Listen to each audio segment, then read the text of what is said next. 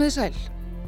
Fyrr á þessu ári fundu vísindamenn eitt frægasta skip í sögu landkönnunar á heimskautasvæðum á 30 km dýpi í afskektu og ílfæru hafsvæði við Suðurskautslandið. Endurance skip bresku heimskauta hetjunar Ernest Shackletons sökk í Vettelhafi 1915 og hefur kvílt á botni þess síðan. En ætti skipið að vera þar áfram eða ætti að gera tilraunir til að ná því upp á yfirborðið. Um það eru skipta skoðanir. Ég heiti Vera Ílóðadóttir og þetta er fréttaskýringaþátturinn Þetta helst og við ætlum niður í hafdjúpin í þætti dagsins. Flag rannsókaskipsins Endurance er fundið rúmum 100 árum eftir að það sökk við Suðurskjöldslandið.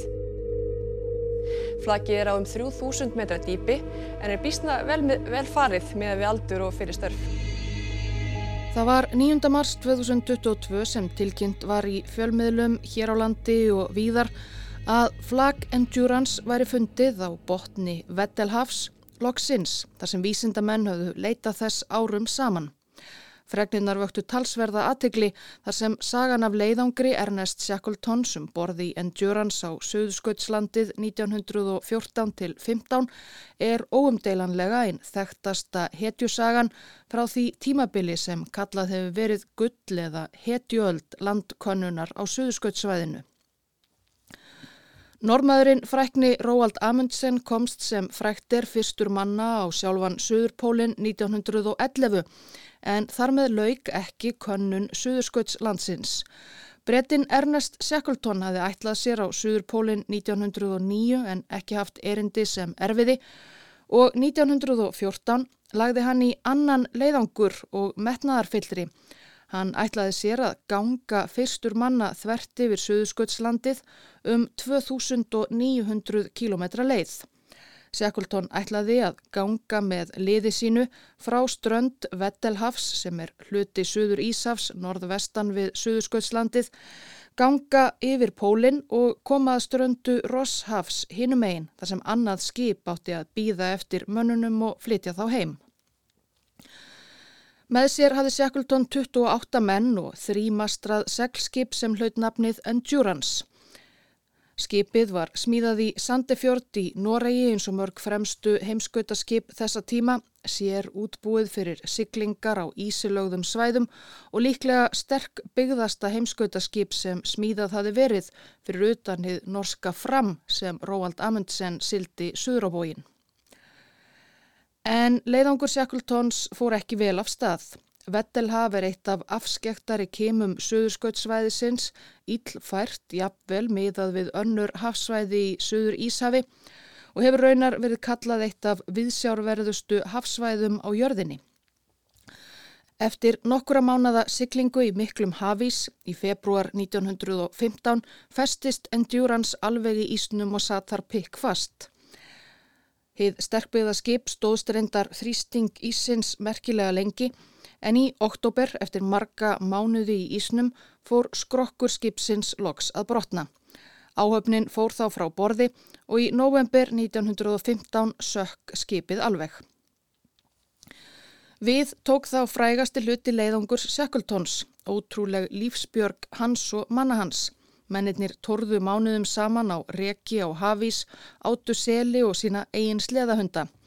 Shackleton sildi svo vorið 1916 við 5. mann á einum Björgunar Bátt Endurance 1300 km leiði yfir Suðurhafið til eigarinnar Suður Georgíu þar sem þeir fundu aðstóð á kvalstöð. Allir komist lífsaf og Shackleton helt áfram heimskautaferðum til dauðadags. Endurance eða þrautsegja, nafn skipsins á íslensku, það þykir mörgum lýsandi yfir þannan leiðangur og Shackleton hefur ítrekkað ratað hátt á lista yfir dáðustu breyta sögunar síðustu ár. En hvað varðum sjálft skipið? Í árana rás hafa margir reyndað leitað flaki endurance en það er meirinn að segja það. Það hefur orðið einhvers konar heilagt gral margra sem sérhæfa sig í að leita að flökum frægra skipa á hafsbótni, bæði vegna hinnar mögnuðu söguskipsins og sömuleiðis hversu gríðarlega erfitt er að ná til þess. Vettelhaf er ekkert lampað leika sér við og um 2,8 miljón ferkilometrar að auki. Það var svo á huldu nákvæmlega hvar Endurance hefði sokkið. Frank Worsley, siglingafræðingur leiðangursins, helt nákvæmar skráningar á reki Endurance þegar það var fast í ísnum á staðsetningu, hraða og átt sem skipið rak. En hann tók ekkert niður síðustu þrjá dagana áður en skipið sökk. Buried in sand and shrouded in mystery. A ship with a fabulous cargo, a perilous mission. and a tragic fate.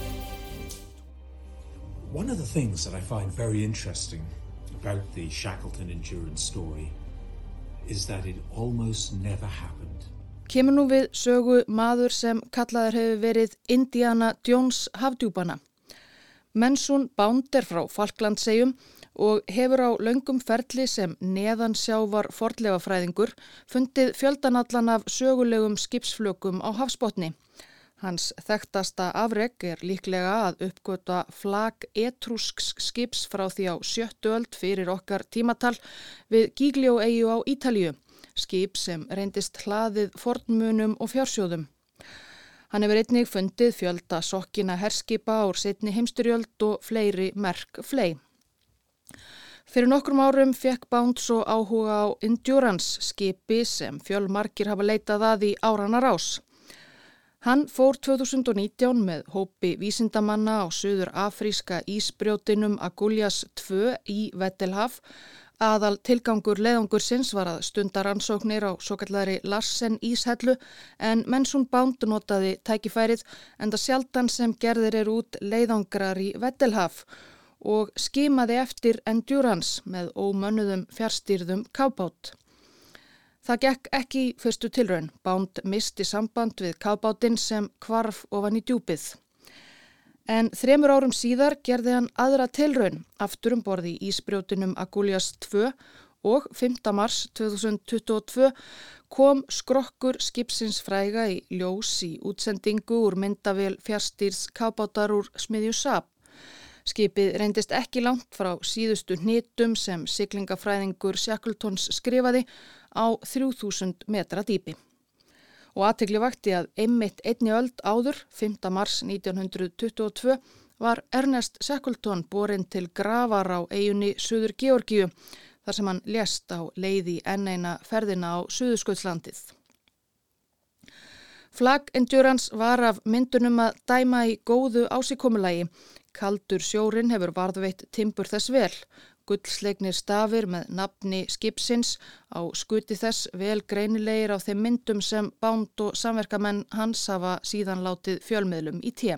I knew that this was probably either the first or the second most strongly built ice ship ever and uh, I was just in awe of her construction and I thought if there's any wood-built ship that could survive the impact with the seabed it would be the Endurance and she did, she held together beautifully. Bánd saði við bladamenn skömmu eftir að flaggið fannst að Endurance hafi verið svo stert byggt að það hafi meira segja staði það af sér að skella á hafsbótni. En hann og samverkamenn hans gerðu ekki annað þarna í mars en að mynda skipið með kábótinum og gera af því þrývitalíkun. Flaggið er nefnilega fríðað og samkantinum alþjóðlega suðurskauttsamningi má ekki hrópla við því á nokkur nátt. En þrátt fyrir að naburt Vettelhafið hafi varðveitt endurans vel í 107 ár er ekki þar með sagt að það endist þar að eilífu og haf forlega fræðingurinn Mensún Bánd er ekki endilega samála því að ekki eigi að hrópla við skipinu. Haft var eftir Bánd í breska blæðinu Guardian fyrir nokkrum dögum að spurningin um afdrif endurans sé eins og heit kartabla sem enginn treysti sér til að taka ákverðunum. Verði skipið ekki reist af hafsbótni sé óumflíjanlegt að það eigðileggist á endanum þó þrautsegt sé, sérstaklega nú þegar heimshöfin fari hittnandi. Að reysa skip af hafsbótni er alla jafna umfangsmikið verk og hvað þá ef skipið er meira en aldar gamalt og á þryggja kílometra dýpi í einu afskektasta hafsvæði jarðar. Þá segir Bánd að slíku verkefni myndu fylgja margar fleiri spurningar, svo sem hvernig ætti svo að varðveita flakið og hvar ætti að geima það. Þetta er þó líklegast ekki Bánd að ákveða þó hann hafi fundið flakið. Hann segir að formlega séð sé Endurance líklega eign afkomenda Shackletons. Sónardóttir landkönnuðarins Alexandra Shackleton sagði við The Times þegar Endurance var uppgötvað í vor að hún vildi helst að flakið yrði látið í friði þar sem það kvílir og síður að fólk færi að gramsa í flakinu í leit að einhverjum munum. Óvist er hvað er svo sem að finna um borði Endurance. Áhafnarliðar tóku með sér flestar mikilvægustu eigur sínar og gögn þegar þeir yfirgáfi skipið í hinsta sinn. Saga Shackletons og Endurance hefur verið rannsökuð í þaula og einhverjir Shackleton fræðingar hafa slegið því fram að líklega sé ekkert markvert eftir að finna í flakinu. En þó er talið að mögulega gæti verið um borð glerplötur með ljósmyndum leðangursmanna sem á dagbækur einhverja skipverja.